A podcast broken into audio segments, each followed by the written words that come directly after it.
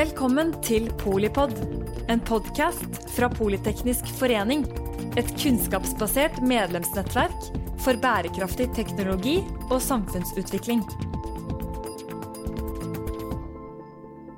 To better understand uh, the world as seen from Afghanistan, we uh, in uh, Norway's Polytechnic Society, together with the Peace Research Institute of Oslo, the Search for Common Ground, with support of the Foundation Fritt Ord, have the pleasure to uh, welcome you to this uh, important seminar uh, with a dialogue and a conversation on uh, on the development of uh, democracy in Afghanistan.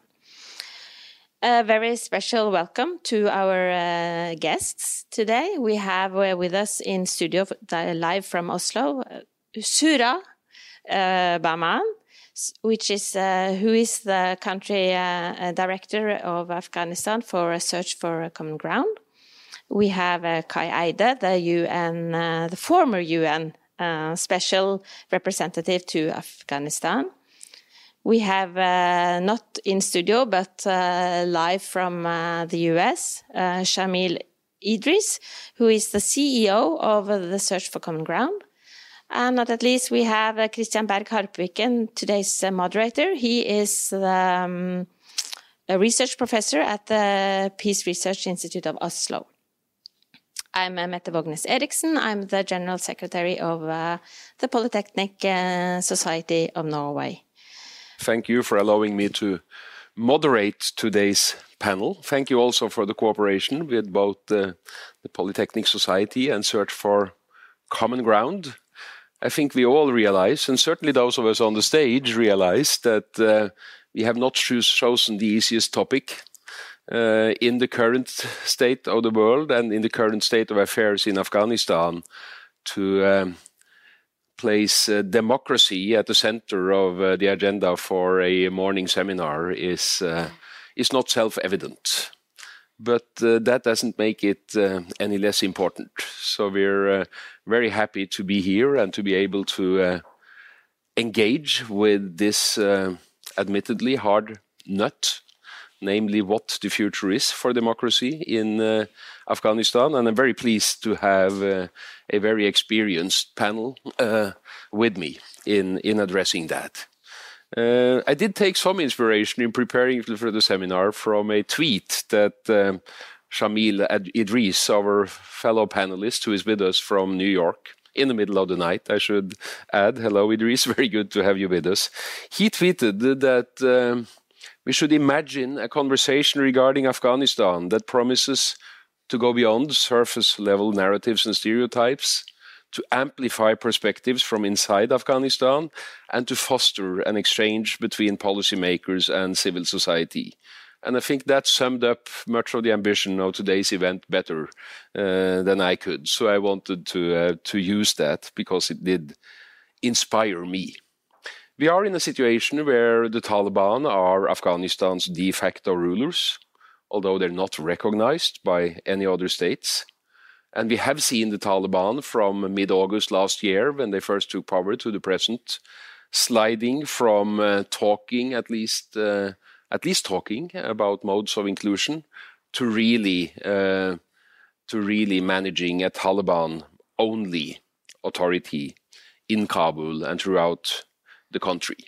Nonetheless, I think all of us believe that uh, without meaningful modes of political participation, peace will not be bestowed upon the Afghans. The historical experiences with uh, democratization in Afghanistan are, to say the least, uh, mixed.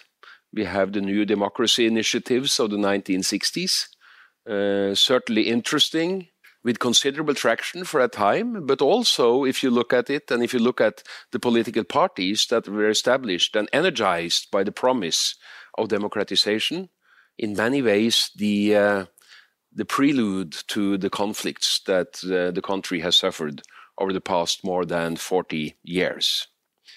We have uh, the People Demo People's Democratic Party of Afghanistan, which I think we can say was democratic only in uh, name. participatory processes were not very meaningful during the 1980s when what we otherwise refer to as the communists were in power with extensive Soviet economic, uh, political, and not the least military support. And then, of course, we have the full scale democratic project from 2001 onwards, which at uh, first looked very, very promising. But then, as we study the elections uh, from 2009, where actually Kai was the UN special representative in Kabul managing the turmoil. Uh, if you look at the elections from then onwards, they were increasingly characterized by fraud and in most cases ended up with uh, not a settlement based on a credible count of the votes, but actually a settlement based on bargaining between uh, the strongest parties. So that is the that is the um, background for the demo, for the democratization discussion in uh, in Afghanistan. And last, I think it is also worth noting that in the recent UN Security Council resolution on Afghanistan, adopted on the 17th of uh, March this year, there is a continued emphasis on the UN's responsibility to offer and the responsibility of the good offices of the UN to not only facilitate dialogue but also to focus, as the resolution says, on promoting inclusive, representative, participatory, and responsive governance at national and subnational levels. In other words, some level, some type, some form of uh, democracy. Now, We'll move to Zohra Bahman, who is the country director for Search for Common Ground in Afghanistan. Came from Afghanistan yesterday, and uh, when I said uh, I'd like to ask you to address the present, since you're actually in the midst of it, she said, "Well, I left Afghanistan two days ago, so I uh, I may not be fully updated. and uh, I said to her, "You're probably sufficiently updated for our purposes." So, uh, Zohra, what is it like in the current situation to to engage with uh, with the Taliban in uh, trying to promote the agenda that Search for Common Ground tries to promote? Well, thank you very much. Um, well, first of all, um, where Search for Common Ground stands um, with regards to conflicts like Afghanistan is that we need to have more engagement um, rather than less. Uh, definitely uh, very much um, against any form of isolation. Um, now, we can talk about these things theoretically sitting in Oslo, um, but when you are sitting in Afghanistan, the only option you have uh, that seems very, very viable is that kind of engagement. And um, I think it was very interesting as the Taliban took over. The first thing that happened in terms that I see the most basic but a very crucial form of engagement was engagement between two types of people who were uh, who were socialized into seeing each other as enemies and non-humans. So the interactions that we had at the checkpoints and interactions we had on the streets um, were very um, we're, we're breaking the ice, and um, it's very interesting. We have a checkpoint, Taliban checkpoint, in front of our office, and uh, after going in and out of the office a few times, um, I started having conversations with the Taliban foot soldiers, and uh, and they said um, we didn't know women like you were there um, in in these offices, and and I tried to say what what do they mean? But they, they couldn't articulate it but it was something i existed in their imagination as a woman as part of the afghan civil society of a, of a democratic um, sort of elites of afghanistan. They, they saw me different and and so uh, and i saw them differently as well. Um, these this breaking of the ice on the streets is is something i think we need we shouldn't overlook. Um, this this is something very important. This is uh, actively bridging um, gaps that existed between very poor polarized uh, parts of the Afghan society. That, dare I say, the democratization process uh, widened this gap in the last 20 years. Um, um, that, that's one form um, of interaction that, that happens. The other form of interaction that's happening is between the civil society and the Taliban. Um, this is happening at the very grassroots level and then at higher up um, levels as well.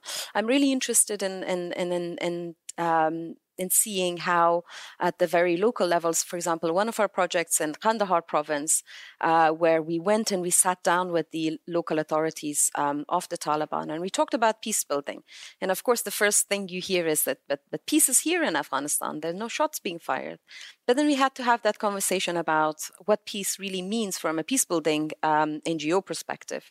And then that resulted in um, us obtaining the permission to actually continue our work with both men and women around uh, dispute resolution and, and, and some of our, our, our, core activities. Now, these, these, things, these conversations are important at that level as well. Now, um, the other kinds of uh, engagement that we see is um, more formal engagement at the at Kabul level. These are very cautious forms of engagement, but I can see a lot of, compared to the late 90s uh, Taliban, I can see a lot of opening up of, of engagement between Taliban and the civil society. Um, we are seeing uh, more um, engagement between big NGOs um, and um, the relevant ministries. Uh, we uh, last uh, couple of weeks we saw the reopening of the Afghan Women's Chamber of Commerce, uh, where the Ministry of Trade and Industry were uh, present, and similarly we have um, other ministries meeting up with women's group, with civil society. Now, in these interactions, there's a lot of um, there's a lot of self censorship. There's a lot of um, a lot of controlled environments, but nevertheless, there's a lot more going on. We witness some big conferences, and when I sit in these big conferences attended by the Taliban, the narratives are very similar to the early days of the um, post previous post Taliban government. There's a lot of similar language being used. Uh, there's a lot of um, uh, concepts like inclusion, like um, like uh, Afghanization, like uh, economic growth, like standing on our own feet. These kinds of narratives are very common, and and and I I I, I quite like seeing that. But uh, but more importantly, I quite like seeing, uh, for example, we brought in 150 young people with the Taliban authorities, and they sat down and talked. And, and I see I see this as a as a positive positive move. Um, where we don't see a lot of interaction is at the at the political level, at the decision making level. And here we have to really question how can we what can we do. Um, the interaction is usually between the decision makers and um, the international community. And we need to change this. We need to bring these conversations um, between the Taliban decision makers inside Afghanistan so that there's an Afghan to Afghan uh, dialogue rather than a Taliban decision makers with the uh, international community. As much as I'd like to see um, the, some of the dialogues where my rights and freedoms are discussed uh, at the international le- level, I'd like those conversations um, continuously happen inside the country as well. And I think there is definitely a lot of um, possibilities. Um, but when we look at uh, some support that we're getting from our international partners, the reduction of aid money and uh, moving from a development or democratization human rights um, uh, investment to a more humanitarian investment means that a lot of structures that could facilitate um, meaningful dialogue between the Taliban and the and the local people and create a relationship of accountability um, between those that are being governed and those that are de facto authorities um, is, is no longer there. Um, and we need to start making the right investments technical and, and, and financial. Um, one last thing I want to um, talk about is that as Taliban um, took over and the aid uh, industry sort of shifted their focus. A lot of organizations left.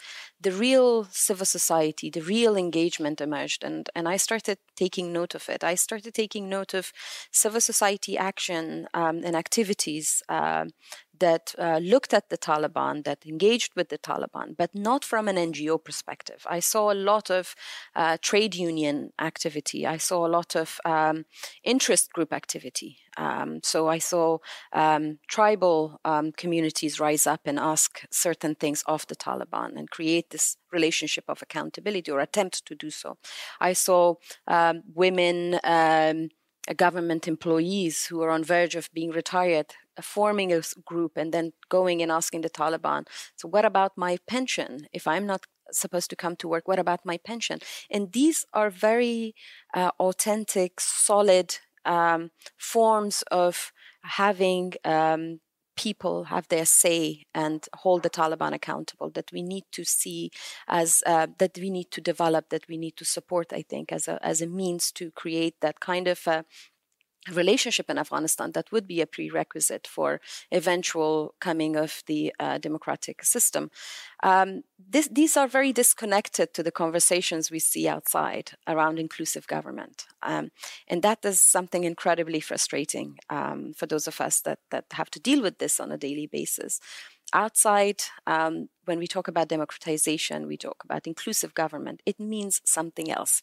It means what it has meant over the last um, few years, where uh, uh, factions who could um, hold each other responsible uh, are, are, now um, were, were, were, brought into the same table and given a share of um, of, of uh, government uh, of power and then in, in, in that disintegrated what could have been uh, at least some form of democracy. And, and we see the same conversations happen. And when people on the ground are not happy with that, people want uh, to have their say. People not, don't necessarily want to see certain faces in power, um, and this is especially important around women's issues. We don't.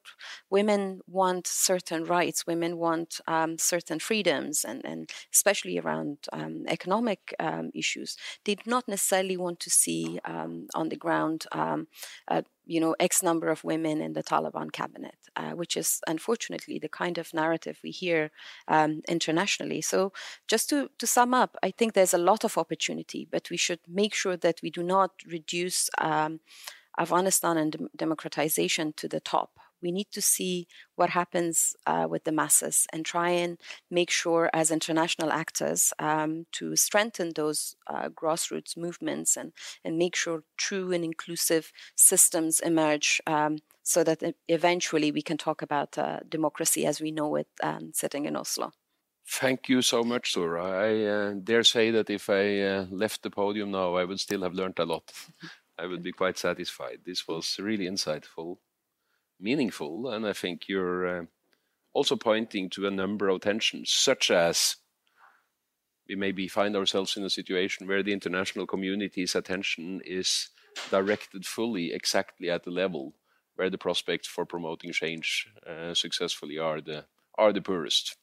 That is one of a number of possible disconnects that I I hear you talking about. Now, Kai, tempting as it may be to uh, dive directly into what Zohra brought up, I've, I've, actually asked you to focus a little bit more on the history. And uh, I led away in my introduction that you were you were managing the the conflictual elections back in 2009. But um, what I actually thought would be interesting to hear you talk about is also the experience you have from engaging with the Taliban in various maybe say peace talks, although most of the talks about peace in Afghanistan have not been genuine peace talks. They've more been preparatory talks, talks about talks. But even there, of course, issues of inclusion, issues of democracy have been prevalent, both in terms of what should be the format for talks in their own right, and in the form of uh, how do you talk about power sharing, representative governance, uh, democracy, elections, and all that. Kai. Thank you very much, uh, and thank you for in including me. Um, I was also stimulated by uh, what you now said, and I think it's uh, just one remark on this. Um, it is important that there is that we have the same debate in the international community as you have in Afghanistan, and at the at present, I believe that there are two different debates, as you said, uh, which certainly does not make it easier for us, and uh, which reduces the impact of the the potential impact of the diaspora also. Um, uh, then, Christian, I was very happy that you said that I managed that I managed the elections in 2009. You could easily have said that I mismanaged them, but you carefully avoided that word. Thank you very much. That's generous. Uh, if you look back at 2004, in fact, I think the, um, the elections were perhaps the most uh, the, the best we'd had, and enthusiasm certainly in the big cities and also in many other parts in the country. And then from 2009, the problems really started, uh, and they have continued uh, in this way, unfortunately. Uh, um, if you look at my experience from talking to the Taliban, then I have to be very honest with you. You know, it's, it's not so that I or anybody else have been engaged in any continuous dialogue with the Taliban. It's been sporadic, uh, basically. Um, when we uh, met, we did not, most often, we didn't know when we would meet again or if we would meet again. Uh, and um, I think that's the case with most of those who have been engaged until the US Taliban talks started. Um, and what did we discuss? Uh, did we dive into issues such as uh, inclusive government, democracy, etc.? No. I think we were focused on one thing, which was to convince the Taliban to engage with Afghan politicians, uh, including the government. Uh, so that really took most of the time. And I remember at one meeting here in Oslo where the discussion was uh, we tried to go into substance, substance and uh, without much uh, success. And uh, I remember us asking the Taliban, "Do you want us to assist you in developing some kind of roadmap that we can follow hmm? with concrete issues that we have to discuss?" and there was a certain interest. Uh, our conclusion was at the time that that was our our idea was perhaps not so good after all, because um, why why would we list a number of issues that the Taliban should raise if they were not interested in raising them themselves? So so I think we abandoned that. But then we saw also after a while that there was an increasing readiness from Taliban to to meet, uh, but always with the uh, precondition that the U.S. should be the first interlocutor, uh, which from their point of view was uh, made sense. And many of us, as you know, at that time also argued with the United States that uh, we should engage in that way. Uh, with the US first and then see what would happen. Um, unfortunately, that process was, in my view, totally mismanaged and uh, have led us to uh, problems that we could have um, have avoided, I believe. Now, on my impression of inclusiveness versus our our democratic model that we wanted to uh, implant, I remember when Parliament had been established and the government was there, the president was there. Um, I saw how he operated and I came with him to many meetings that he organized with people from provinces, people from various parts of the society. Very few of them with members of parliament, hmm? mostly with local leaders, uh, etc., tribal leaders. Um, and uh, I asked him once uh, what comes out of these meetings because I, I didn't understand anything, of course, of what was said. He just whispered to me every now and then. Now we're discussing this. Now we're discussing that. I said, "Why do you have all these meetings if nothing comes out of it?" Out of it? And and he he he replied, uh, "Don't you understand? This is all about respect." Now they will go back to their community and they will say, "Did you see the president um, showed us respect?" So that that was a part of the, the inclusive government, so to speak. This constant round of consultations that took place continuously, and that were the most important part of his agenda, I believe, at that time.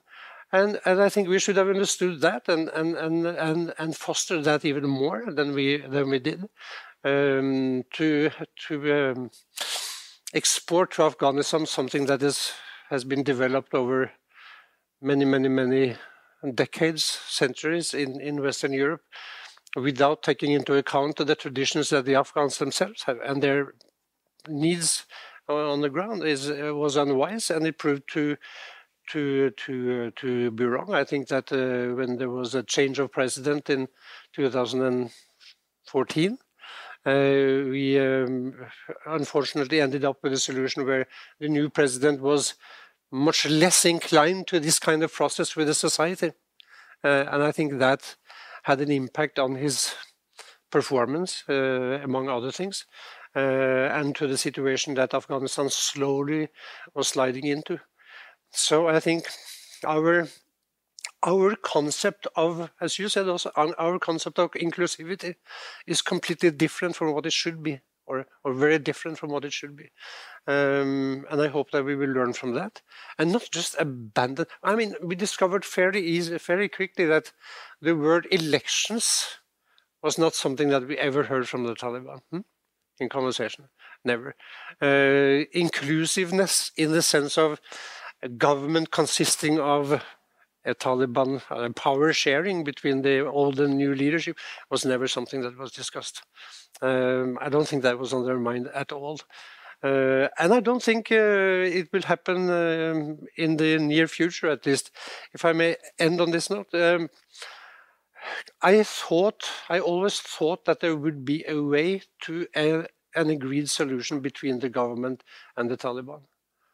But then uh, there was a remark in the, during a video conference we had, and I think you were there also, uh, between 2025 uh, Afghanistan uh, um, fans and lovers, um, that we, uh, somebody said, you know, during negotiations, there may be issues that you simply cannot solve through any kind of compromise.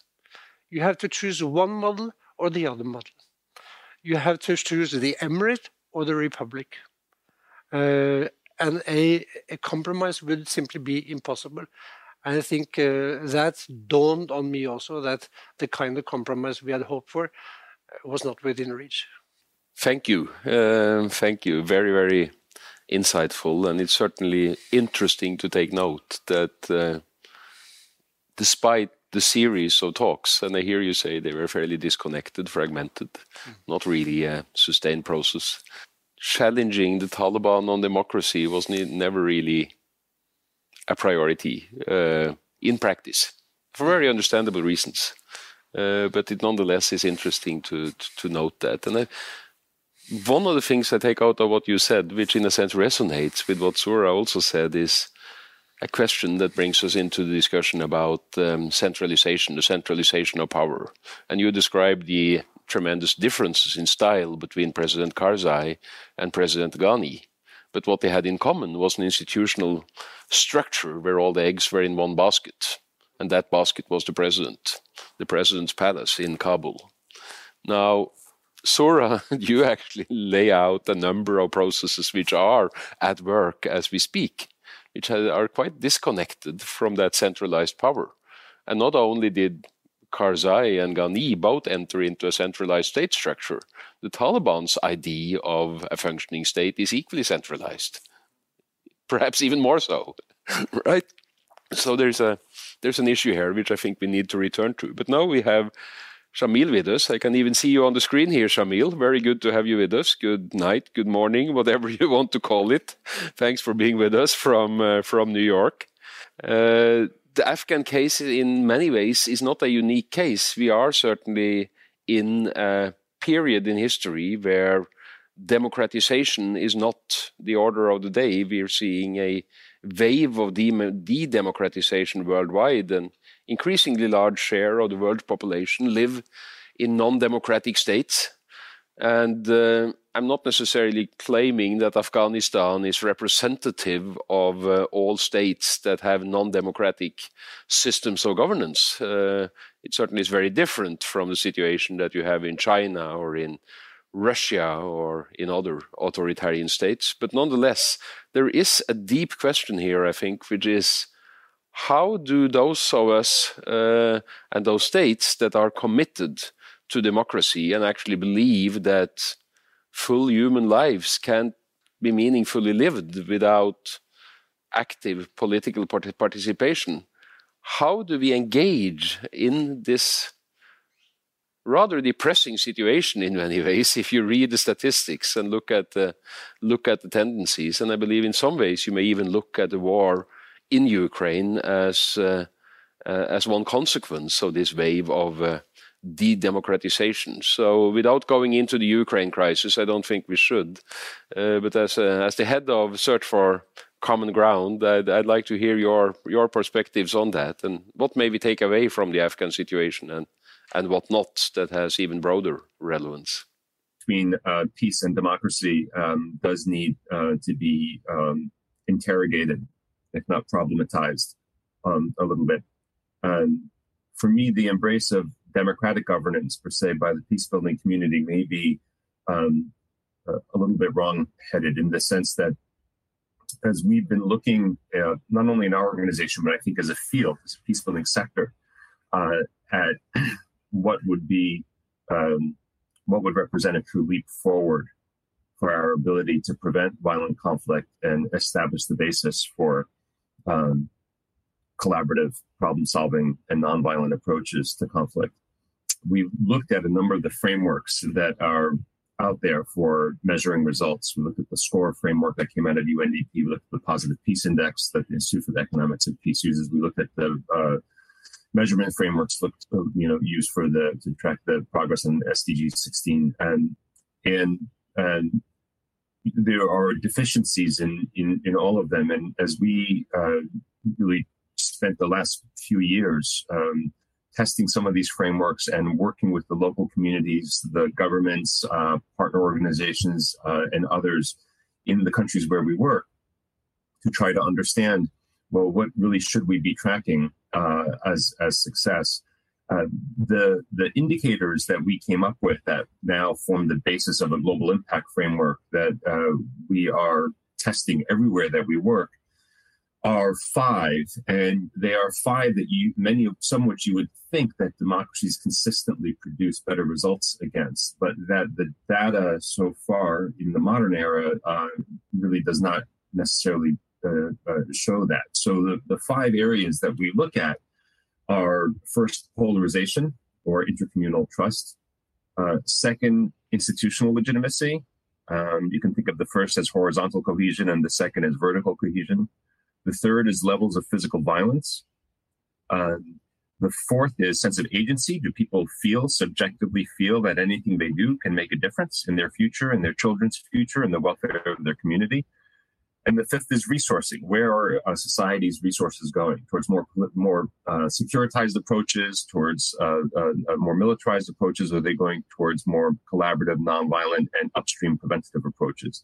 And if you look at those five areas, um, you would think that democracies would consistently uh, demonstrate better results. For instance, on agency, you know, if if you have an opportunity to elect your leaders, one would think that you would have a greater sense of agency than someone who does not have not afforded those rights. Um, if you look at institutional legitimacy, you would think, well, if you're electing uh, the people in who are governing, uh, that those institutions would have much more legitimacy in your eyes. Um, nevertheless, what we're finding increasingly is that democracies are falling short on these uh, fronts, and so the the question for us is is uh, tends to go more towards what do we understand uh, about how to ensure that those indicators are actually moving in a positive direction and I think that um, this effort is much more than a theoretical exercise. I think, you know, it, I think that maybe the biggest revolution forward in, in, in healthcare was when we moved from treating diseases to actually promoting healthy lifestyles. And if you go to any doctor almost anywhere in the world right now, they will test the same eight vital signs. They will check your pulse and your temperature and your blood pressure and et cetera, et cetera. It's the same eight vital signs. And we don't have really alignment in the peace building sector. What are the vital signs of a healthy society that can deal well with the inevitability of conflict or with shocks, whether it's COVID pandemic or something else? The reason I go into that, and, there, and, I'll end on this point before turning to the, the question of then how does one engage in more authoritarian societies? The reason I get into that, I mean, there was a, an, uh, an article just two months ago, I think, that was published in the Lancet. So it has nothing to do with peace and conflict. It's, you know, one of the oldest medical journals in the world that uh, was reporting on the, the, the largest uh, research done to date on uh, efficacy in, in responding to COVID in different countries. And it looked at really two factors transmission rates and fatality rates. Uh, and in the report of this seminal research that was done over 177 countries, um, the researchers uh, were very clear that the things that they anticipated would have correlated to an effective COVID response, in fact, did not um, strength of the health infrastructure, wealth of the country, uh, dem- democratic governance versus authoritarian governance, a number of factors, education levels, um, number of factors that they anticipated would have correlated to a more effective response to COVID did not. And in fact, the factor, the single most salient factor uh, with the strongest correlation were trust levels, both interpersonal trust and institutional trust. Um, and if you look at the top 10 countries, top 20 countries in terms of these, these uh, uh, factors, they were all over the map on some of these questions, including democratic governance. I think the top ranked country was Vietnam. Anyway, so the reason that I get into that is I think that um, um, I don't want to be misunderstood. Uh, I don't want to live in a non-democratic society. I don't want to live in a society that doesn't have a strong health infrastructure, and I don't wish those things on anyone else. Um, but I think that if our purpose in peace building is to establish the basis of a healthy, just, secure, and safe societies, uh, we really have to question whether uh, democratic um, uh, governance models are consistently delivering uh, what one assumes that they would deliver. Uh, now, uh, in terms of whether an organization like ours chooses to engage with um, a more authoritarian regime, I, I think that um, you know specifically for a non-governmental organization, which is what we are, um, the question is is uh, uh, is is more obvious to me. Not only that we should, um, but that we're particularly compelled to. Um, our uh, political irrelevance is our power in some ways. Uh, uh, I, you know, when I, you know, led our delegation to Afghanistan to visit with Zohra and the team there in February, uh, nobody really cared much that I was meeting with some senior Taliban officials. I'm not the ambassador of a country. I don't have an official. I'm not. Uh, I'm not conveying official recognition or legitimacy. Um, we are a locally led, internationally networked organization, and I think um, it, as the peace building sector increasingly embraces the value of being locally rooted and locally led, we have to be careful to ensure that we are not only amplifying certain local voices, but that we are in fact trying to give voice to and listening to uh, the diversity of voices. And there are 40 million people still in the country, um, not leaving the country. Um, and I think in, in some ways, you know, uh, being locally rooted and led you know, Zohra and the team she leads there are not there because it is Search for Common Ground's policy that they should be there. And the the agency is actually quite in reverse. That they're they're there because they believe there's a space and an ability to do work that is consistent with our mission and our values. Um, and we do tend to, and they happen to work for an organization that supports that decision. Uh, we do tend to attract uh, people uh, of that perspective. Our teams in Myanmar, in Yemen, as you pointed out, uh, Afghanistan is not unique in terms of being a, a challenging situation, uh, whether in terms of levels of violence or in this case, in terms of authoritarian regimes. Um, but these are people and teams that would be doing this with or without Search's presence and can do it uh, in their perspective more effectively uh, and with a stronger support base uh, with our presence. So the question really for for us is, is almost more so who are we as an organization to tell Zohra and her team that in fact they don't have uh, that role to play or we will not support um, their desire to play that role. Um, I guess the last thing that I would share, if I could, is just tactically, um, you know, uh, whether it was engaging in in uh, Liberia under Charles Taylor's regime or uh, any other settings, the, the, one of the more powerful metaphors for the engagement with more authoritarian regimes from our perspective is is, is uh, given by the the martial art of aikido. So if anyone's ever watched you know aikido masters uh, in uh, uh, you know the martial art of aikido the goal of the martial art of aikido is to get both yourself and your aggressor to a safe space uh, and so if you watch an aikido match or watch an aikido master you will never see them strike anybody um, it was a martial art that was developed for people to disarm attackers who were coming at them with weapons when they did not have weapons, right? Um, and this sounds very theoretical, but in settings where uh, 180 degree oppositional engagement with authorities will get you killed or arrested or kicked out or tortured or whatever it might be, this metaphor is really quite relevant um, and uh, and salient. And and so the teams that we support, particularly in these kinds of contexts, I would say practice this martial art brilliantly. Um, and I think there are self-preservation reasons to do it. I think there are pragmatic reasons to do it. Uh, the Taliban and those who support them are also not going anywhere. Um, and and finally, there are principled reasons to do it. Um, you know, the kind of change that we believe in is transformational. People bandy about and throw about a great deal of the Gandhian term of "be the change that you want to see in the world." But it's very difficult to create a more inclusive society through uh, exclusive tactics uh, or a more collaborative society through uh, adversarial tactics. Um, And again, these things all sound very theoretical, but as Zohra reminded us in the opening of her remarks, they're not at all theoretical when you're there on the ground and you have a checkpoint directly in front of your office. Um, so let me just stop there. Thanks a lot. Um, thanks a lot, Shamil. Um, very useful comments uh, and taking us taking uh, taking a bird's perspective on the issues that we're talking about here on this stage, but a bird's perspective that is very concrete at one and the same time. And I'd love for our next joint seminar with uh, the Polytechnic Society to be on be on Aikido and conflict resolution, but that's for that's for another occasion. Welcome back, everybody. One one thing I'd like you to ponder about, and we'll now take the discussion back to the panel, but you'll follow the discussion and you'll be um, having an opportunity to offer a few concluding remarks. And one question I have listening to you is what is the implication for how the international community engages with uh, authoritarian regimes such as the um, such as the Taliban? Does this lead to a call to deprioritize political participation? Uh, is it does it even mean that our current resources in many ways are misplaced? Or is it a call for addressing the issues just in a different and more intelligent manner. I hope you can offer some some reflections on that in your concluding remarks. But now let me take it back to the panel, and there are so many things we could um, follow up on here. But uh, as uh, Kai said, we're all Afghanistan lovers, so we, uh, we we we need also to focus on Afghanistan and the current situation there.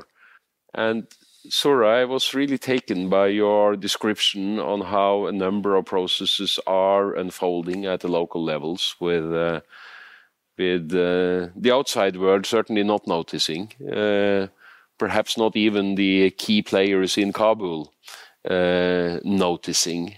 Is there a risk that if we start to notice, if we start from the international community side, from the foreign ministry in Oslo, from the UN, mm-hmm. from, for that matter, Search for Common Ground, to really try to energize those processes that currently unfold fairly silently, that we may do them damage?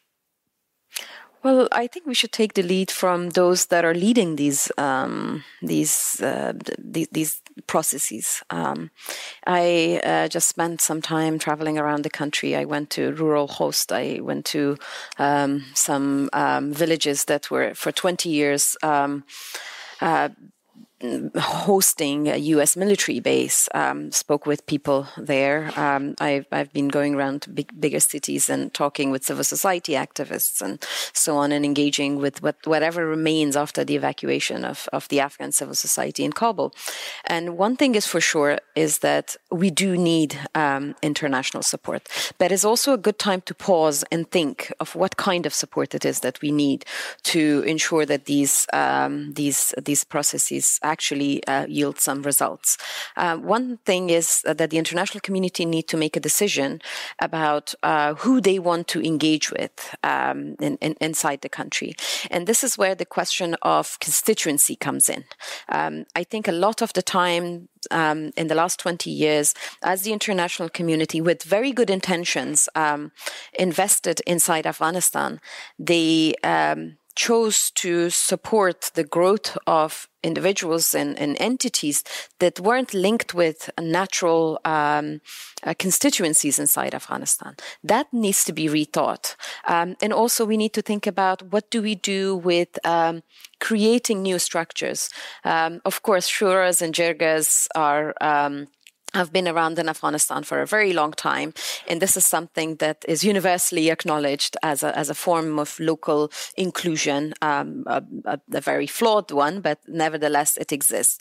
But whenever I've seen the international community engage with shuras and jirgas, they haven't engaged with authentic shuras and jirgas. What they've done is they've created one that is that sits beside the Shura and Jirga. And many times I've gone in and looked at these institutions, and it's very interesting that once the formal meeting ends, then you then over dinner you get to meet the real decision makers, the ones that weren't involved, and and there are various different reasons um, for that, um, including sort of a, a, a, um, a, status level and and you know how much an individual wants to engage with the international community in an aid agency led Shura and Jirga and so on. So we need to see if we're creating parallel structures um, to authentic local forms of governance and decision making, but also the bigger uh, institutional ones as well.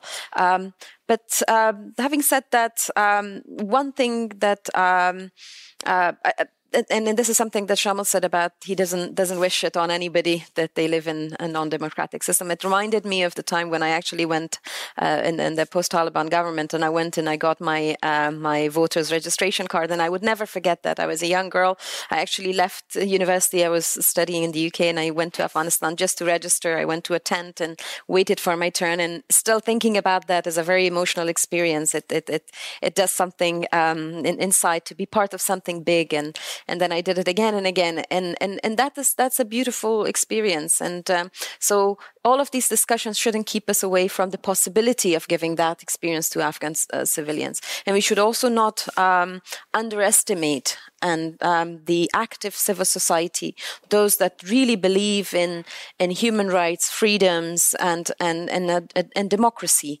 Um, we should not underestimate that, and we should we should also make sure that as the international community steer away from uh, labeling Afghanistan as either traditional pre-democratic society or a society never not ready for for um, uh, for democracy uh, solely. We should we should recognize that that Afghanistan is a diverse um, country, and those of us who are um, who, who, who believe in, in these freedoms are as valid a part of the um, of the society as as as those that are um, for the more traditional um, you know tribally led religiously led forms of, of self governance. So so that that's also very important because as we neared um, the fall of uh, Kabul, I saw a shift in the international community's thinking where some of us were excluded by virtue of being too democratic and too human rights friendly.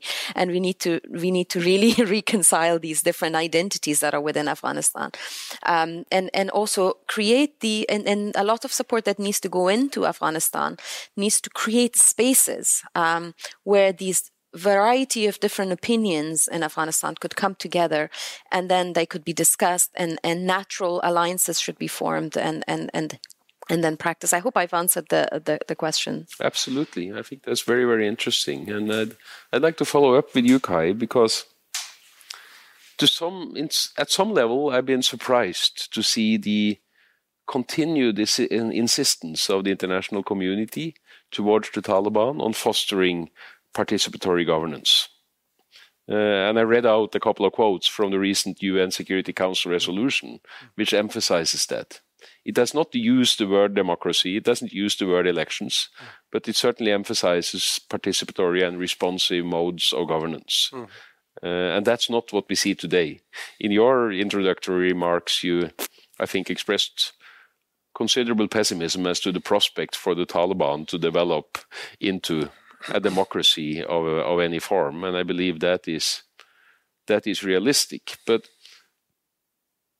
when we see uh, a continued insistence from the international community side on participatory governance, in your view, have we found the right balance? Are we in the right place? Are we have we shifted uh, the gun sight, so to say, so that we actually are now in a place where we support the type of more promising processes that Zohra describes, and implicitly also Shamil in his introduction? Uh, or are we continuing to focus on trying to affect the top level Taliban authority, uh, an entity that uh, where we'll probably have uh, with, with, which we'll probably have little success?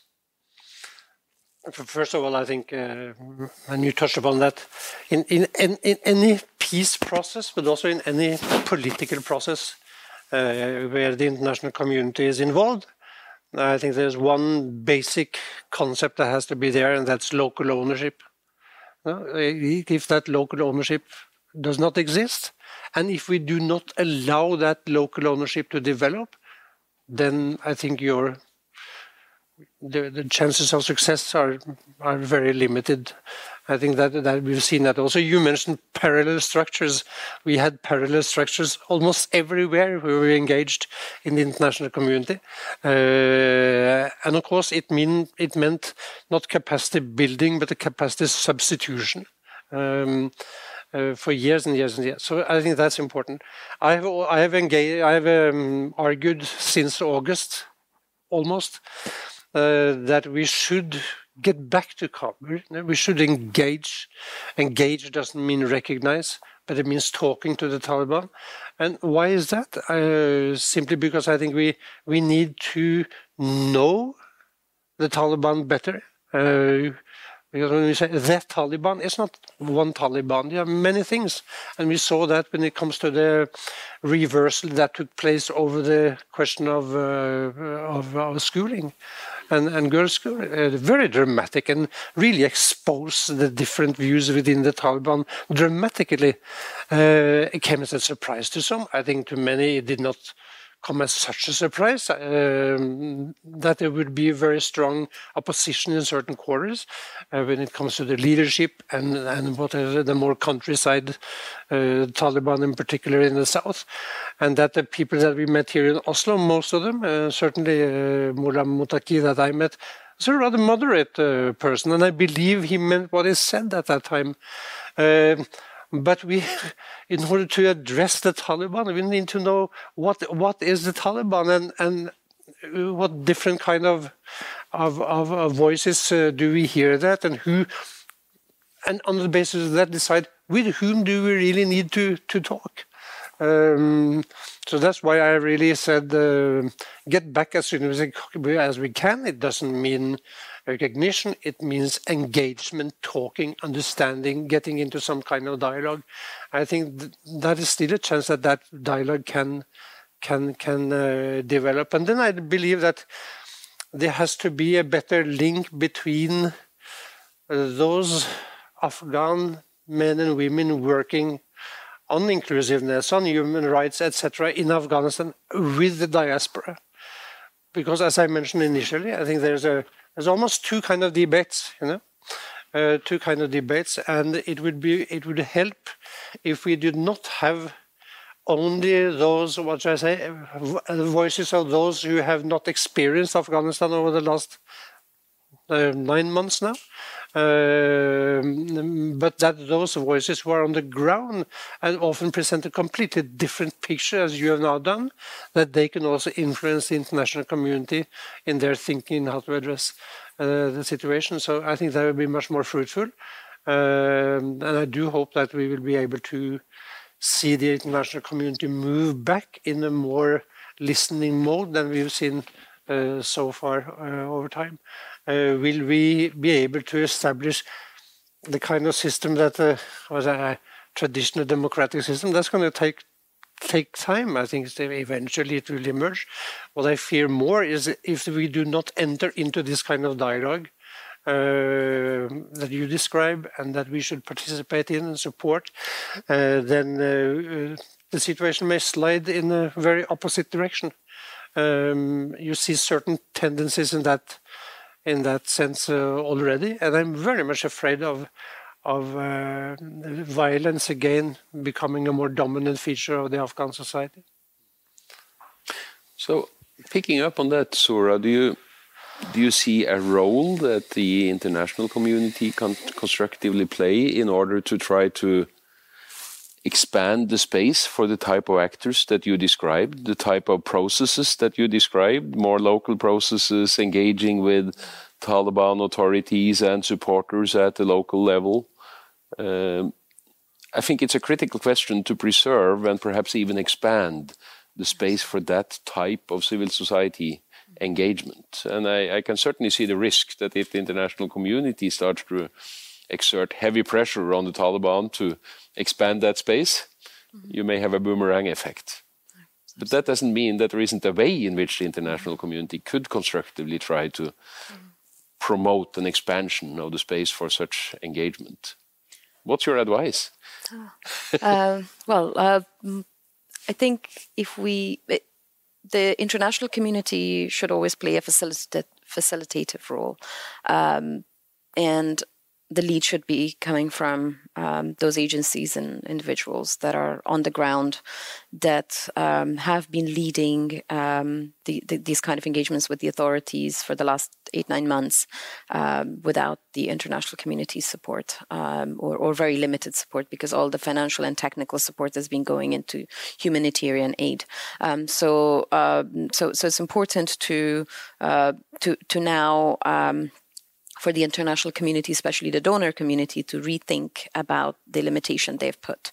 Uh, we cannot expect um, uh, some degree of uh, of human rights um, uh, sort of friendly environment in Afghanistan to to develop. We cannot uh, expect democ- some form of inclusive governance structures to develop if the custodians of these ideologies are now made into humanitarian aid recipients rather than actors, social and economic actors. So it's important that we open up the the the areas that international aid could could support. So development, democratization, and so on. And also, I think it's important to allow Afghans to um, to decide on their own risk appetite. Uh, no significant ch- social change has happened without uh, significant loss. Um, and it is the I, I, I would really like us to be treated as as the decision makers around the risk level we want to take.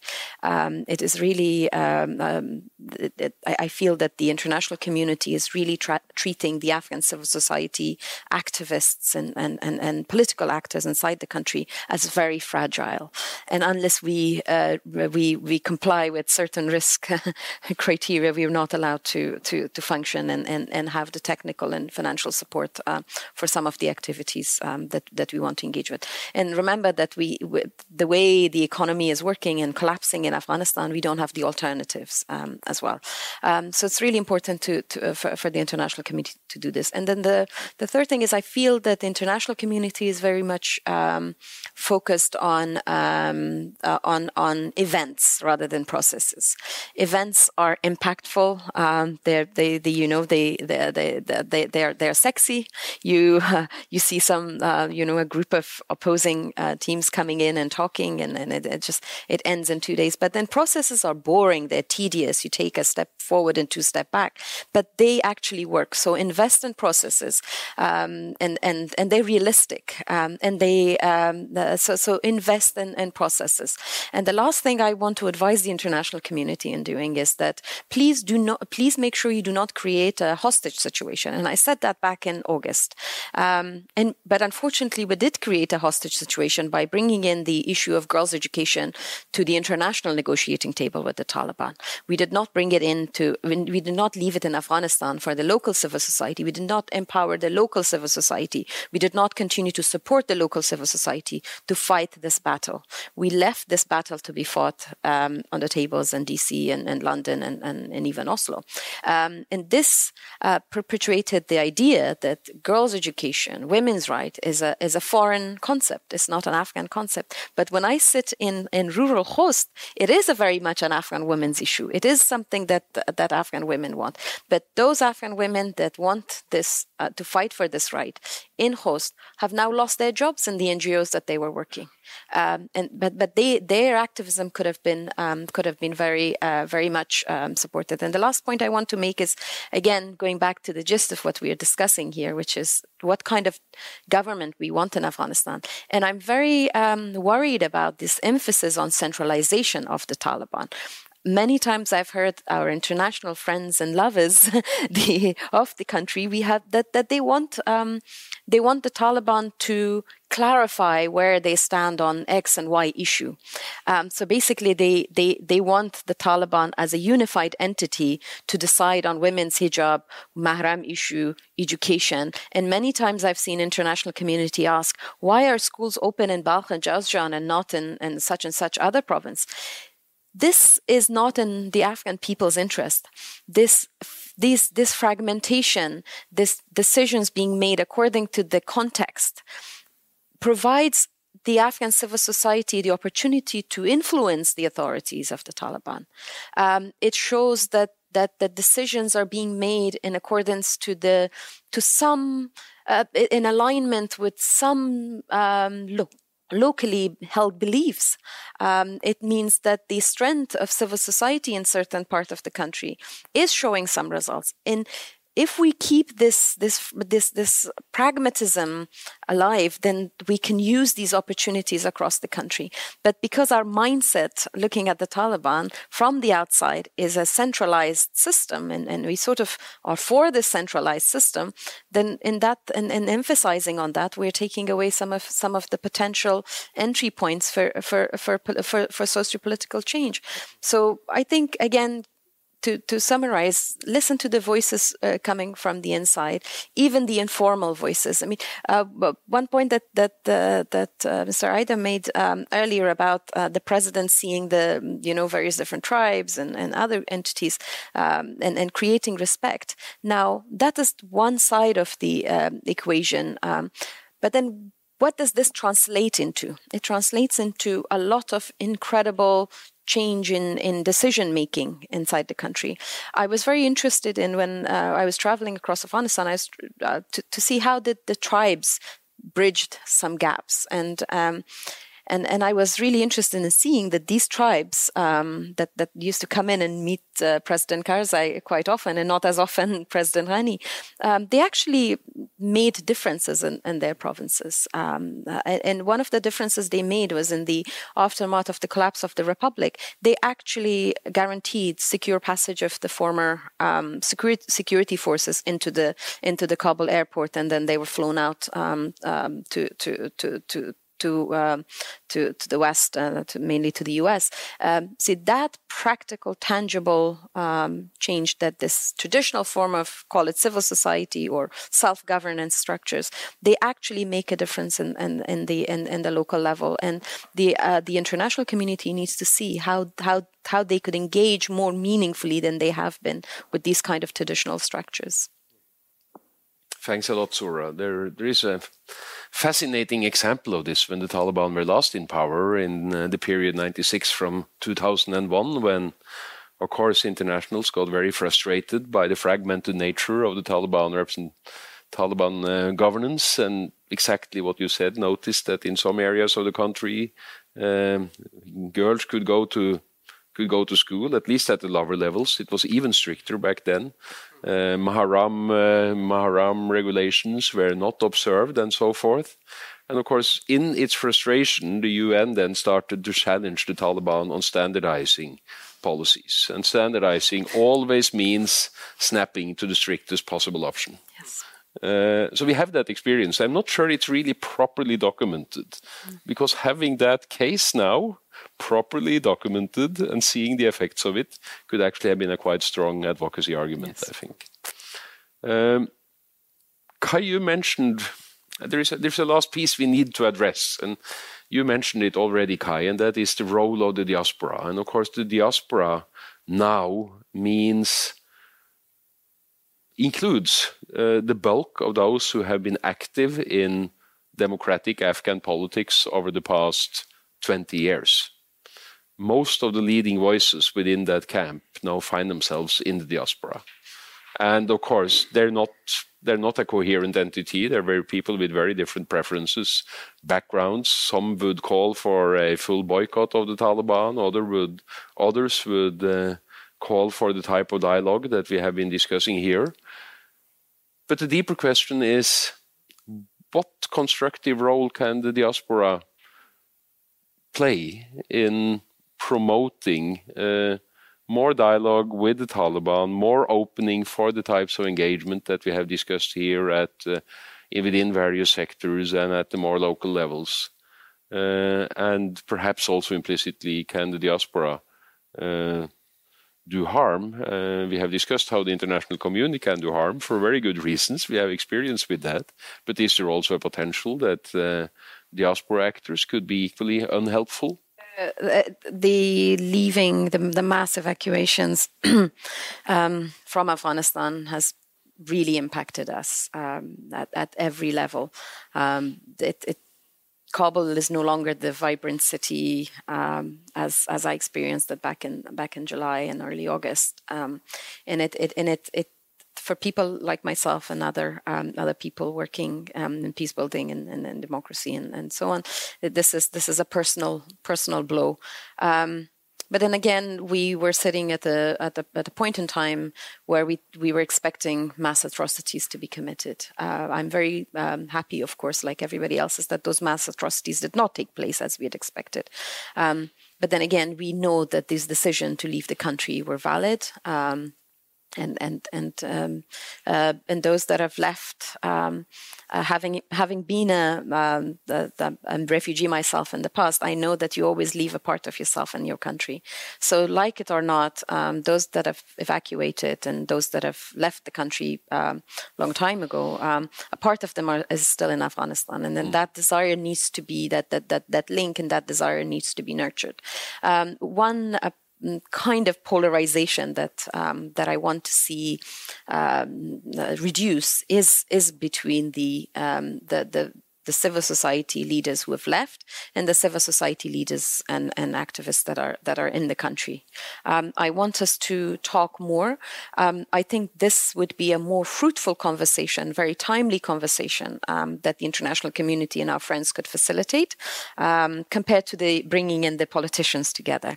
Because once um, the, the, the the the the rift between the um, diaspora and the those that have stayed in the country is is reduced. Um, um, then we can work together to to to try and bring in the political factions together as well.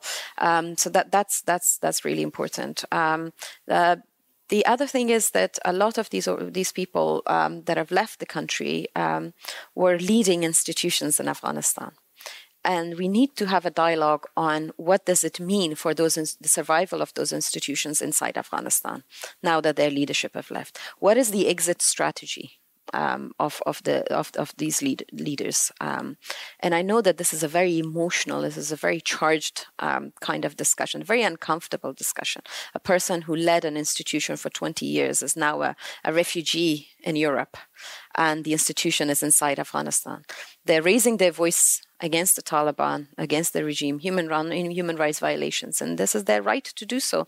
They're doing this, and, and by doing this, they're actually supporting the, the the, the the civil society inside Afghanistan by absorbing some of the risk and taking it out of Afghanistan. So they're doing a valuable job, but at the same time, what can they do to uh, to maintain the survival of the institution? So this is something that that needs to needs to happen. We need to make sure that suddenly we, we, we could invest in the in the rapid rise of, of the new generation of leaders that are inside Afghanistan. Um, um, also, we need to be a bit more pragmatic and have some more dialogues to build this pragmatism around what kind of support and um, do we need from the international community, and see if we can form allies between um, those that want uh, f- uh, more engagement with the Taliban inside Afghanistan and those that want more engagement with the Taliban outside Afghanistan, so that we can have some kind of a joint um, joint um, efforts um, as we address the international community, especially the the, the the donor community.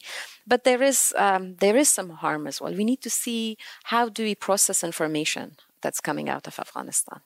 Uh, we need to make sure that we um, we build those basic uh, skills to um, to to to process data coming out of Afghanistan. Um, what is true, what is untrue, what is uh, not conducive for for community cohesion inside and outside Afghanistan. We need to really be careful about that, um, and um, also we need to see what some of the narratives are doing to uh, humanitarian situation inside Afghanistan. What kind of narratives are we highlighting outside that could stop aid going into the country?